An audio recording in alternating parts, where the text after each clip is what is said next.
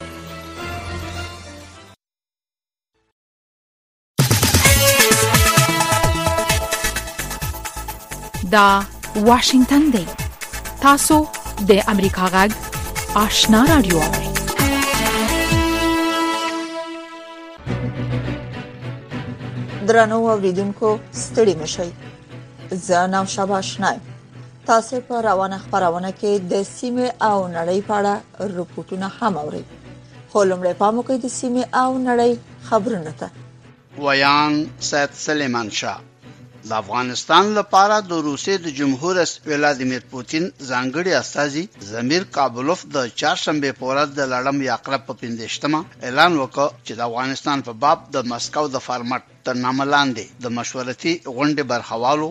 د یوه ټولشموله حکومت د جوړولو ملاتړ کړی. د خبر تفصیل. د تاس خبري اژانس د کابلوف په حواله ویلي، د بیانیو عمومي لحن یو شان و او کابو سل فیصده یو نظر و. موږ ټول د افغانستان وضعیت ته په یو ډول ګورو. په یو غږ او ډیر زر به په هغه هیواد کې د همشموله قومي سیاسي حکومت نه ملاتړ کوو په دې غونډه کې د طالبانو پلاوی ته بلنه نه و ورکړل شوې او مخکې روسي چارواکو ویلي و چې طالبان د همشموله قومي سیاسي حکومت په جوړېدو کې د ناکامۍ لامل د مسکو غونډه ته نه دی بلل شوی خو کابل ویل دي چې د غونډې برخوال هڅه نه کوي چې پر طالبانو باندې د حکومت د ترکیب پاړه خپل نظر تحمیل کړي هغه زیاته کړه چې موږ دلته د داسې ساده مسلو په اړه خبرې کوو چې د نورو هیوادونو لپاره هم د منلو وړ دي نو شاباشنا امریکا غاک واشنگټن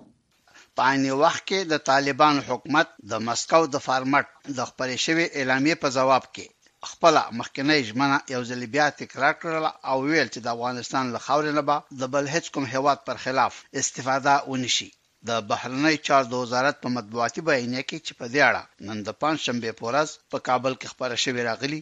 چې حکومت د داعش د خراسان د څانګې یا ISIS K د ډلې په خلاف عملیات کړي دي او هم یې د مخدره موادو د محوه کولو په منظور لازم اقدامات کړي دي. د افغانستان د راپرځېدلي حکومت د جمهوري ریاست پخواني لومړي مرستیال امرالله صالح د مسکو فارمټ په غونډه کې طالبانو ته د بلنې نه ورکولو هرکلی کړی دی. صالح دا یو مثبت اقدام وباله. د طالبانو د یو مهم مشر ملا عبدالغني برادر د دفتر مطبوعاتي ویاند د افغانستان د پخواني رژیم د ملي امنیت د ادارې د رئیس رحمت الله نبیل دا ادعا ناسمه بللې چې وايي ملا برادر د درملنې په غرض دوبۍ ته انتقال شوی دی. نبیل د ټوټر په پاڼه لیکلي وو چې د طالبانو ځینې کړۍ په دې باور دي چې ملا عبدالغني برادر به په زهرو مسموم شوی وي. د افغانستان او نړۍ خبرونه له امریکا غږ واشنګټن نه اورئ. د بشري حقوقو د څار سازمان یا هیومن رایټس واچ چې مرکزي دفتر یې په نیویارک کې دی د شپې له خوا د امریکایي ځواکونو د عملیاتو په دوران کې د وژل شوو ملکیانو په اړه د تحقیقاتو غوښتنه کړې. نوموړی سازمان وایي چې د دوه زره نولسم میلادي کال د سپټمبر په پنځمه د افغانستان په جنوب کې پر یوه کلي باندې د شپې له خوا د افغانستان د پوځ او د امریکایي ځواکونو د ګډو عملیاتو په دوران کې یو سړی، د هغه مېرمن او شپږ ماشومان وژل شوي وو. له بلې خوا د دغه نړیوال سازمان د جنوبي اسیا د څانګې مسؤلې مېرمن پټریشیا ګاسمن ویلي دي چې متحده ایالاتو ته د راتښتول شوې یو افغانې ماشومې د سرپرستۍ قضیه په افغانستان کې د متحده ایالاتو د عسکرو ناوړه چلند په ډاګه کوي د اسوشیټډ پریس خبري آژانس د رپوټ له مخې، د بشري حقوقو د څار دې لوړپوړي غړې پرون د چهارشنبې په ورځ د لړم په پنځویشت مه په یوه مقاله کې لیکلي دي چې دغه افغانه ماشومه د جاشوا په نوم د امریکا د سمندري پوځ یوه سایمن سب راتښتولې وه چې بیا وروسته یې د مور او پلار له اجازې پرته د ورجینیا د ایالت په یوه محکمه کې جاشوا او د هغه میرمنې ته په فرزندۍ یا اولادولۍ وروسپارل شوه. کاناډایي چارواکو ویلي دي چې هغه هېواد ته له پاکستان نه درې سوه او څلېرویشت نور پخواني ترجمانان او د هغوی د کورنۍ غړي په الوتکه کې رسولي دي. د نړۍ خبرونه له امریکا غږ واشنګټن نه اورئ. متحده ایالاتو د ایران د دولتي رسنیو پر څو لوړپوړو مامورانو باندې بندیزونه لګولي دي. د بهرنیو چارو وزیر انټونیو بلینکن د چهارشنبې په ورځ ناوخته په یوه بیانیه کې وویل چې متحده ایالاتو پر هغو شپږو لوړپوړو ایراني مامورانو باندې بندیزونه لګولي چې د ایران په دولتي رسنیو کې کار کوي او یا د ایران د دولتي مطبوعاتو په استازیتوب دنده سرته رسوي. په دې کې د ایران د اسلامي جمهوریت بروډکاسټینګ کارپوریشن، آی آر آی بي، هم شامل دی. په نوموړي کارپورېشن باندې امریکايي چارواکو د ایران د حکومت له خوا د سانسورشیپ په فعالیتونو کې د لاس لرلو په وجه بندیزونه لګولي وو. د ایران دولتي رسنۍ زیاتره د ایران د امنیتي ځواکونو تر سرپرستۍ لاندې د هغه کسانو په تحقیقاتو کې برخه اخلي چې د ایران د حکومت پر خلاف د احتجاجونو په دوران کې نیول شوي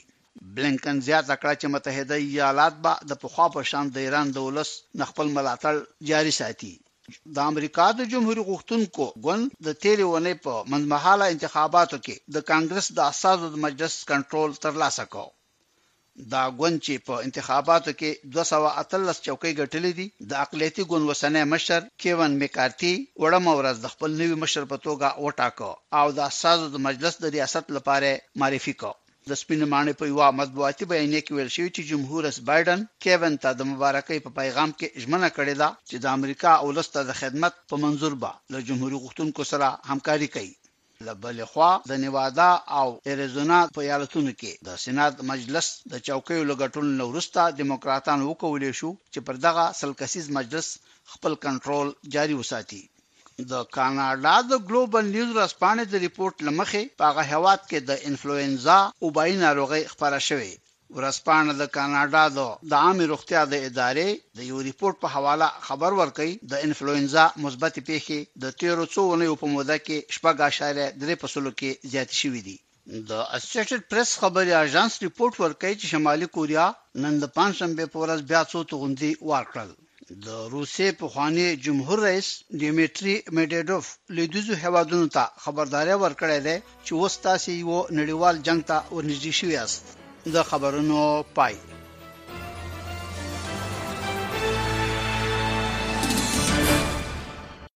د سیمې او نړۍ خبرونه مو واوریدل په موقع د سیمې او نړۍ په اړه رپورټونه ده د افغانستان د بیا رغونې لپاره د متحده ایالاتونو د ځانګړي پلټونکو دفتر یا سیګار په یو تازه راپور کې ویلي چې له افغانستانه د امریکا د واقعي وتلو په اړه د افغان حکومت نه تشخیص د امریکا او طالبانو ترمنځ په خبرو کې د افغان حکومت نه ګډون د سولې خبرو ته د طالبانو نه لیوالتیا او په جمهوریت نظام کې د طالبانو پر ادغام د غنی د حکومت ټینګار د افغانستان د مخکنی جمهوریت نظام د ړنګېدو لوی لاملونه دي سیګار په داسې وخت کې د مخکنی جمهوریت نظام د ړنګېدو د لاملونو په اړه خبر ورکړی چې د متحده ایالاتو د ملي استخباراتو د ادارې د ترهګرۍ مرکز مشر کریستین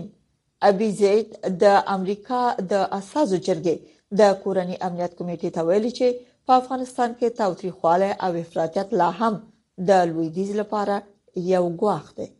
د دې موضوع تفصيل پر رپورت کې اورئ د افغانستان د بیارغونې لپاره د متحده ایالاتو د ځانګړي پلټونکو دفتر یا سیګار په تازه راپور کې د افغانستان د مخکري جمهوریت نظام د ړنګېدو شپږ لاملونه روښانه کړي دي له افغانستان څخه د امریکا د واقعي وټلو په اړه د افغان حکومت نه تشخیص د امریکا او طالبان په خبرو کې د افغان حکومت نه ګډون په جمهوري نظام کې د طالبانو په ادغام د غني د حکومت ټینګار د طالبانو نه جوړ جاړی د یوې خاصې او وړې حلقې په مرسته د محمد اشرف غني لخوا د حکومت کول په لوړه کچه د قدرت متمرکزوالی پراخ فساد او د اوږدمهاله مشروعیت د ترلاسه کېدو لپاره مبارزه په ورستۍ پاشل کېدو کې سهیم بللی دی خو مخکیني ولسمشر محمد اشرف غني له سي ان ان سره په مرکه کې چې د اګست په څوارلسمه نېټه خپره شوه په دوحه کې د امریکا او طالبان د سولې تړون ناوړه وباله او زیاته کړه چې د خبرو اترو د ټولو اصولو څخه پکې سرغړونې شوې دي موافقتنامه دوحه که امریکا مستقیما با طالبا با حذف دولت جمهوری اسلامی افغانستان با حذف افغانان ایمایه را امضا کرد در اولویت قرار داره و تسریع بخشید سقوط دولت و اطمینان سیاسی نظامی اجتماعی و بین المللی برای طالبادات که اعتماد به نفسشان بیشتر شود که از طریق زور وارد وارد کابل شوند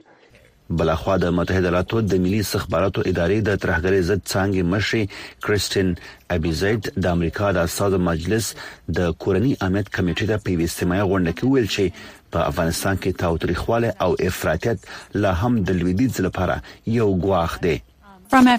کوم ګواښ چې زه د افغانستان په اړه ډیره اندیښمنه کړی یم هغه د داعش د خراسان څانګه ده چې پر افغانستان د طالبانو له بیا واکمنۍ نه تر اوسه له ځانه ډیره وړتیا خوده ده دوی ان افغانستان نه بهر ورڅیرمه سیمو کې ځینې بریدونه کړی دي او زه د دوی لدی لیوالتیا اندیښمنه یم چې غواړي د خپل بریدونو لمن پراخه کړي د متحدالاتو د فدرالي تحقیقاتو ادارې رئیس کریسټوفر ری یې د کمیټې ته وویل چې د د اداره پر افغانستان د طالبانو له بیا واکمنېدو وروسته اندېښمنه ده ځکه د ده په خبره چې په افغانستان کې طالبان تر واکمنۍ وروسته دوی د معلوماتو په راټولولو کې له ننګونو سره مخ دي موږ له طالبانو سره د القاعده شبکې اړیکو ته په کتو او د دغې شبکې د بیا انسجام په اړه د دې ډلې لیدلوري ډېر اندېښمن کړي یو او دا اندېښنه د کابل په زړه کې د القاعده شبکې د مشر ایمن الظواهري د موندلو یو اړخ دی. زه غواړم ووایم چې موږ د القاعده او د داعش د خراسان څانګې له لوري په متحده ایالاتو او یا په کوم بل ځای کې د امریکا پر ضد د احتمالي برید په اړه اندېښمن یو. بلخوا روسي چارواکو د افغانستان په اړه د مسکو فارمټ په نوم جوړه شوې سیمه ییزه غونډه کې د افغانستان په شمالي ولایتونو کې د وسلوالو پر موجودیت اندېښنه خودلې او د دغه هیواد امنیتي وضعیت ورځ تر بلې خرابېدونکی بللی دی. موږ ټول د افغانستان وضعیت ته په یو ډول ګورو، ټول د دې پلوي دي چې له قومي او سیاسي اړخه یو ټولشموله حکومت جوړ شي، خو پوښتنه دا ده چې څنګه به جوړېږي؟ د طالبانو حکومت د مسکو فرمټ غونډې په خبرګون کې ویلي چې د افغانستان خوره به د هیڅ چا په وړاندې نه کارول کیږي او د داعش ډلې د لمنځړولو لپاره لا د مخه لاس په کار شوی دي طالبان د مسکو فرمټ غونډې ته نه وبلل شوی او لامل په خپل ژمنو عمل نه کول خودل شوی دي وحید فیضی امریکا غږ د امریکا غږ د آشنا رادیو په خپلو بیلو بیلو خبرونو کې د نړۍ د ګډ ګډ او د افغانستان په باب جامع به طرفه او موثق راپورټونه خبري د امریکا غږ د آشنا رادیو خبرونه مهیروي تاسو زموږ غږ د واشنگټن د سټډیو نه اورئ د طالبانو حکومت د مسکو فارمټ او کونډه کې شو څرګندونو ته په خبرګون کې یو ځل بیا د نور هیوادونو پر خلاف د افغانستان د خاورې نه کارولو ډاډ ورکړي او له نور هیوادونو نه غوښتي دي چې خپل خاوره او فضایي قلمرو دې د دغه هیواد په خلاف ونه کاري د مسکو فارمټ غونډه کې د ټول شموله حکومت په اړتیا د نجونو ښوونځیو په پرانستو د تروریزم سره په مبارزه او ځینو نورو مسلو خبرې شوې په دې اړه نور تفصيل د اکرام شینواری په رپورت کې اورئ د طالبانو د حکومت د بهرنی چارو وزارت د چاشنبه پر ورځ مسکو کې د افغانستان د حالاتو د ارزولو لپاره د مسکو پرمټ په نوم د جوړې شوې مشورتي غونډې پریکړو ته په خبرګون کې ویلي چې طالبان د افغانستان په باب د سیمایزو مثبتو میکانیزمونو هرکلی کوي او په دې غونډه کې پر سولهییز متحد خپلواک، ناپېیلی او د اقتصادي پلوه یو پرمختللي افغانستان باندې ټینګار د ستاینې وړ دریځ دی. د بهرنیو چارو وزارت مرستیال ویاند ضیا احمد تکل افغانانو سره د اقتصادي او بشري مرستو د دوام په اړه د غونډې د ګډونوالو دریځ هم ستاینه کړې او ویلي دي چې دوی په دې باور دي چې د افغانستان او سیمې امنیت او ثبات یو بل سره تړلی دی. له دې امله اسلامي امارت د یو مسؤل حکومت په توګه د سیمې هیوادونو ته خپله ژمنه تکراروي چې هیڅ فرد او ډلې ته به اجازه ورنکړو چې د سیمې د ثبات پر خلاف اقدام وکړي او په دې موخه مو وار د مخه د فتنګرو ډلو او مخدره توکو د کښت او قاچاق پر خلاف کوټلي ګامونه پورته کړي دي. د بهرنیو چارو وزارت له نورو هیوادو هم غوښتنه کړې چې خپله خاوره او فضا دې د افغانستان په خلاف د نورو هیوادو په واک کې نه ورکړي. د افغانستان په اړه د مسکو پرمټ په غونډه کې د ټول شموله حکومت پر جوړېدو د انجونو خونځې پر پرانیستلو د تروریزم سره په مبارزه د امریکا د حکومت لخوا د افغانستان بانک د کنګل شوو شتمنیو خوشی کېدو او ځینو نورو مسلو خبرې شوې افغانستان لپاره د روسي ځانګړي استازي زمير کابل ویلي چې د مسکو پرمټ د مشورتي غونډې ګډونوالو د رایو په اکثریت سره په افغانستان کې د ټول شموله حکومت د جوړېدو ملاتړ وکړ د تاس خبري اژانس د کابلوپ له قوله ویلي چې د ګډونوالو د بحثونو ژبه تر ډیره یو شان وه او نږدې سل فیصده په یو نظر وو خو د طالبانو د حکومت د بهرنیو چارو د وزارت په اعلامیه کې د ټول شمول حکومت مسلې ته اشاره نه ده شوې د افغانستان د چارو یو افغان کارپو طارق برهادي وایي چې د ضمیر کابلو په څرګندونو کې د روسیې د دریځ ترڅنګ د مسکو پر مټ د غونډې د نورو ګډونوالو دریځ هم شامل و. اینا میګن که در حالت فعلی شناختن حکومت مکاتب. ښاغلي فرهادي وویل، هغوی وایي چې په اوسنیو شرایطو کې د طالبانو د حکومت په رسمیت پیژندل ممکن نه دي، د دې لپاره چې د نجونو خونې نه دي پرانیزل شوي، طالبان هیڅ ډول اشاره نه کوي چې سرپرست حکومت به یې کله کار پای ته رسوي، حقیقت دا دی چې اوسمهال طالبان د دې توان نه لري چې کابل کې پریکړې وکړي. کوم وزیر صاحبان چې کابل کې دي د پریکړو توان نه لري او پریکړې په کندهار کې کیږي کندهار هم نه غواړي چې نړۍ سره په مخامخ مکالمه کې راشي مکالمه مستقیم قرار بگیره د نړیوالو اړیکو یو کارپو سنگر امیر زاده وایي چې په نړیواله کچه د هیوادونو ترمنځ د اختلافاتو باوجود نړۍ د طالبان حکومت په اړه نږدې یو ډول دریځ لري او په یوه ژبه ورسره غږیږي ښاغلی امیرزاده وایي طالبانو داسې اټکل کوو چې چین او روسیه به د دوی د حکومت په څنګ کې د نورو په وړاندې وزیږي خو دی وایي داسې ښکاري چې دا اټکل سم نه و اما داسې ونه شو ځکه هم اموک همسایګان او هم سیمې هیوادونه او په ټوله د نړۍ هیوادونه لکه امریکا او اروپا ټول د په افغانستان کې یو داسې ټولګرونو حکومت وختونکي دي چې ټول افغانان پکې ځان وګوري او د متفاوت فکرونو څخه جوړ یو حکومت رامنځته سي نو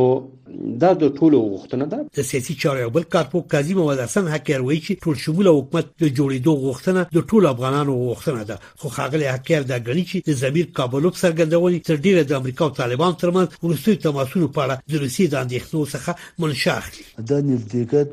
د دوی لپاره ځورونکی ده د دوی دا اندېښنه د مسکو د فارمټ په ناسته کې جوته ده. دوی په ښکاره ویلي دي چې په افغانستان کې ورته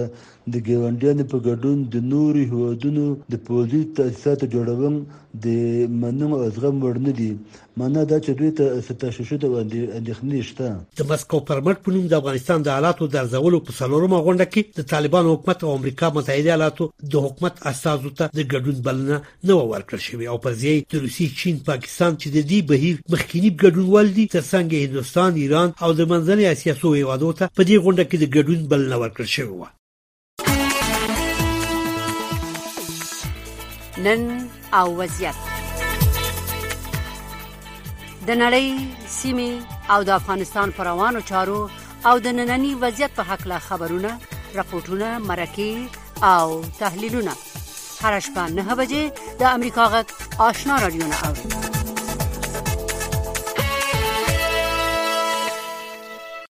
د امریکا د دفاع وزارت د چهارشنبه په ورځ د اوکرين د تماس د ګروپ په نامه د اوکرين د متحدینو د ومه غونډې کوربه و چې له دغه هیواد سره د خپل مرستو په همغږي بحث وکړي په ورته وخت کې د امریکا د وسلوالو ځواکونو لوی درستیز وایي ژمی به د جګړې د دواړو لورو ترمنځ د سیاسي خبرو اترو لپاره مناسب وخت دی هغه همدارنګه خبرداري ورکړ کچيري چین په زور د تایوان د نیولو هڅه وکړي دا به یو ډیر لوی تیروتنه نور تفصيل پر پورت کې اورئ د امریکا د دفاع وزارت وایي چې متحده ایالات او متحدین به یې د امریکا د وسلوالو ځواکونو د لوی درستیز د دې ښکاره ارزونې باوجود چې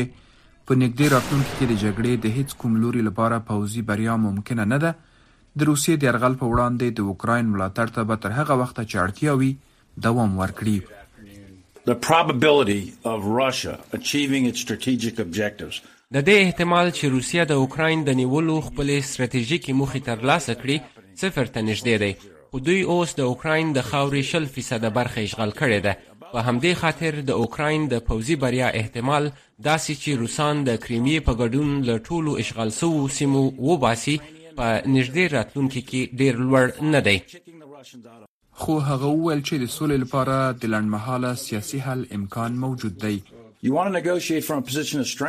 که تاسو غواړئ چې له قوي موقف څخه خبرو ته ورسئ، روسیه اوس د شاتګ په حال کې ده، د روسیې پوځیان سخت تلفات زغمي. د روان کال د فبروري په میاشت کې د اوکراین د جنګ له پیل راهیسې د روسیې پوځ د عسکرو او پوځي تجهیزاتو سخت زیانونه ګاللي دي. په دې یرغل کې دوی د دقیق هدف ویشتونکي ډیر زیات بمونه او توغندي کارولي دي او شایي کلونه وخت ونیسي چې د دغو مهماتو کچه بیرته د جنگ مخکې حالت ته ورسوي آیا تاسو فکر کوئ چې روسان به لکه څنګه چې تاسو ویل د خپل مهماتو د پوره کولو لپاره کلونه وخت ضرورت ولري وکولای شي چې مقاومت ته دوام ورکړي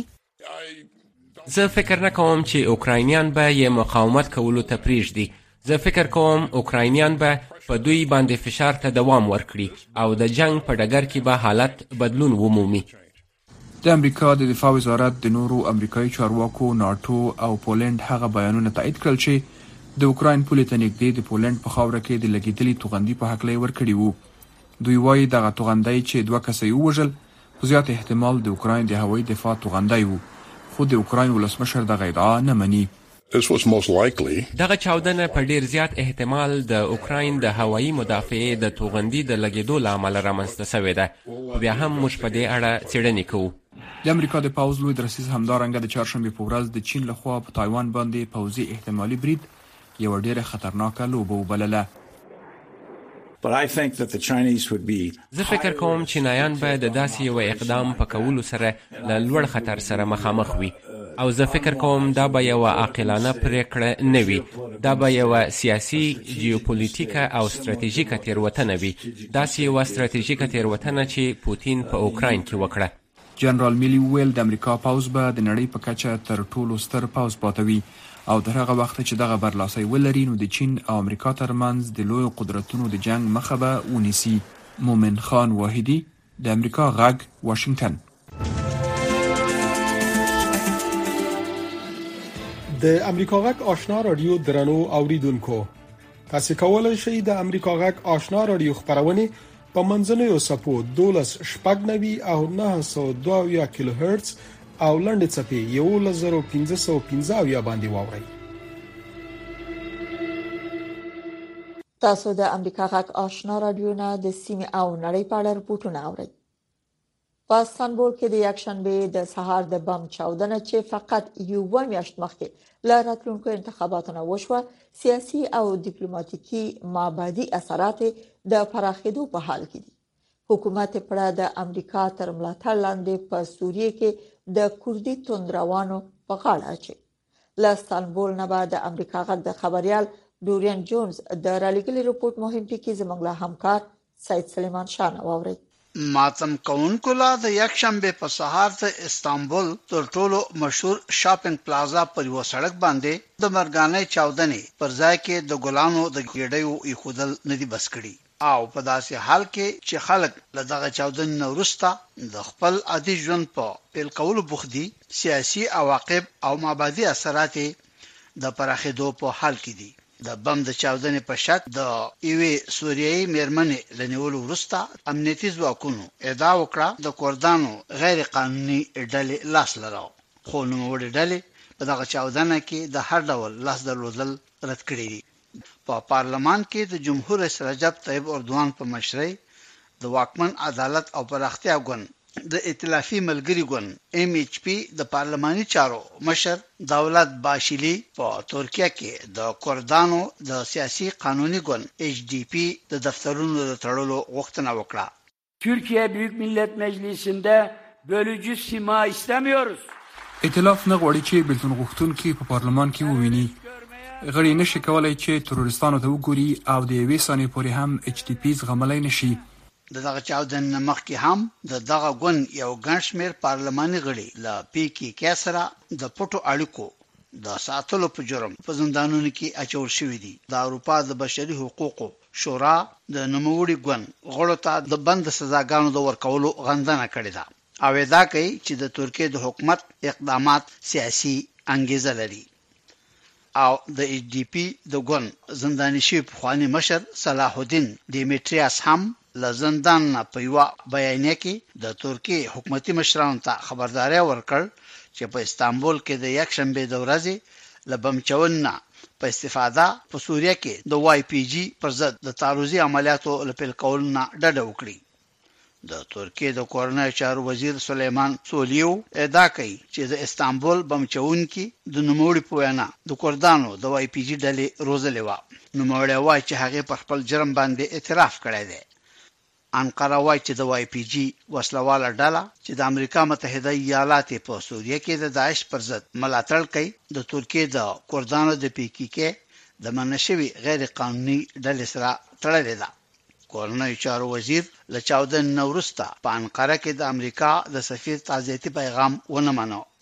او وویل چې د نوموړي د خواخوږۍ پیغام داسې مثال لري لکه چې یو قاتل د جرم صحنې ته بیرته وروګرځي. د استانبول د سبانچي د پوهنتون د نړیوالو اړیکو د څانګې استاده میرمن سینم آیودین دوزګټ په دې باور ده چې په ترکیه کې یو زیات شمیر خلک د امریکا او لویدیځ پر ضد احساسات لري.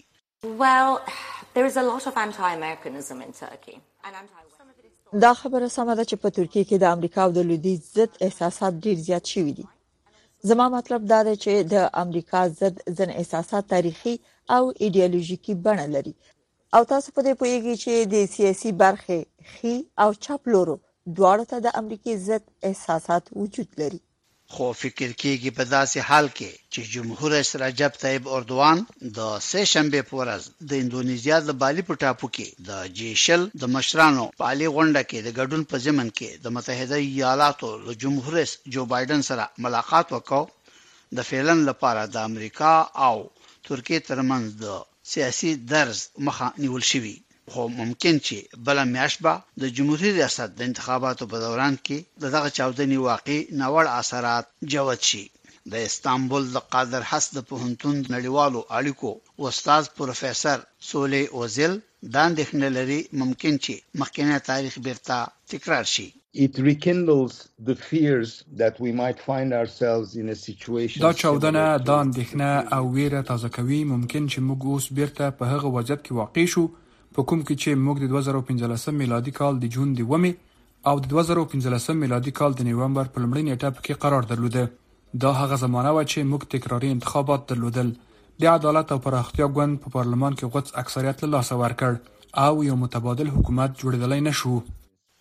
مخالف ګوندونه د دغه چاودنې په باب په دومره عجله او بیړه د ترکیې د امنیتي ځواکونو د تحقیقاتو د نتیجه ګیرۍ په اړه پوښتنې کوي. سید سلیمان شاه، د امریکا غږ، واشنګټن. کابل دی که زابل، تخار دی که هرات، په ټول افغانستان کې د امریکا غږ آشنا رادیو منځنۍ څپه 1290 اف ام 100.15 او د روانې خبرونه په ورستي رپورت کې اوري په غزنی ولایت کې د یونیسف لخوا د 213 تنو نه آزموینه اخیستل شوې څو دغه ولایت په مختلفو کلینیکونو کې کورنۍ ته د پولیو واکسین اړوند معلومات ورکړي نور تفصيل پر رپورت کې نن غزني ولایت کې د نسیف له خوا د سي ټي جي په همکارۍ د دوه سوه او دېرش کسانو څخه د فیمیل واکسیناتور موبالایزر په برخه کې ازموینه واخیستل شوه چې یاد کسان به د ازموینې د پروسې څخه وروسته د غزني ولایت په مختلفو کلینیکو کې کورنۍ ته د پولیو واکسین اړوند عامه پوهاوی یا ذهنیت ورکوي د یادې ازموینې ګډونوالې ټولې میرمنې وي او د چارواکو په وینا میرمنې کولی شي په غوره توګه کورنیو سره جلسې برابرې او ښه پوهاوی ورکړي په غزني ولایت کې د پولیو د عامه پوهاوي لپاره ولایتي مسؤل هارون حکیمزي چې د یادې پروسې مسؤلیت په غاړه درلود د امریکا غږ سره په خبرو کې وویل موږ د سی ټي جي په حمایت سره د ځینې بسونه اعلان کړي او چې د اف ام ایس فیمیل واکسیناتور موبلایزر سی ورته وایي یعنی دا ټول هغه کسان دي چې په کلینیکو کې به ښځینه او کارمندان ته عامه پوهاوی ورکوم ته ذهنیت ورکوي موږ د سیتامې په تعاون سره د هغوی په همکاري سره دا پروسه پیل کړه. نن د امتحان ورځ ده، تقریبا په امتحان کې دوه سوه او دېرش کسانو اشتراک کړی ده چې له هغوی نه به امتحان اخیستل کېږي. موږ پنځه دېرش کلینیکه لرو، په مختلفو ولسوالیو کې خو ډېری کلینیکه لرو، خو دا کوم پنځه دېرش بس چې اعلان شوي دي، پنځه دېرش کلینیکه اعلان شوي دي. د دې تر څنګ د غزني ولایت د معافیت کتلوي مدیر بصیر احمد ثابت هم چې د یادې ازموینې نظارت کې ګډون کړی و، وايي،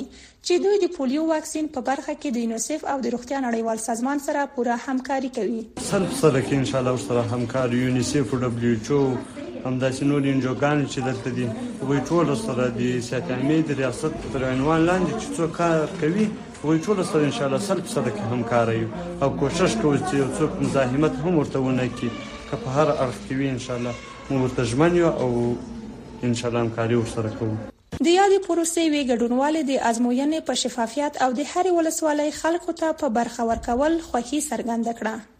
د ځنجیر په شفافیت ډول سره دا پروسه مخته ولاړه، ډېر شفاف وو د هر اړخ نه او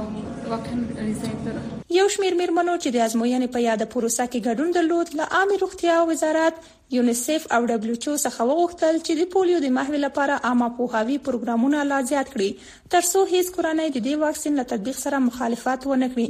مریم صافی، امریکا غږ، غزني.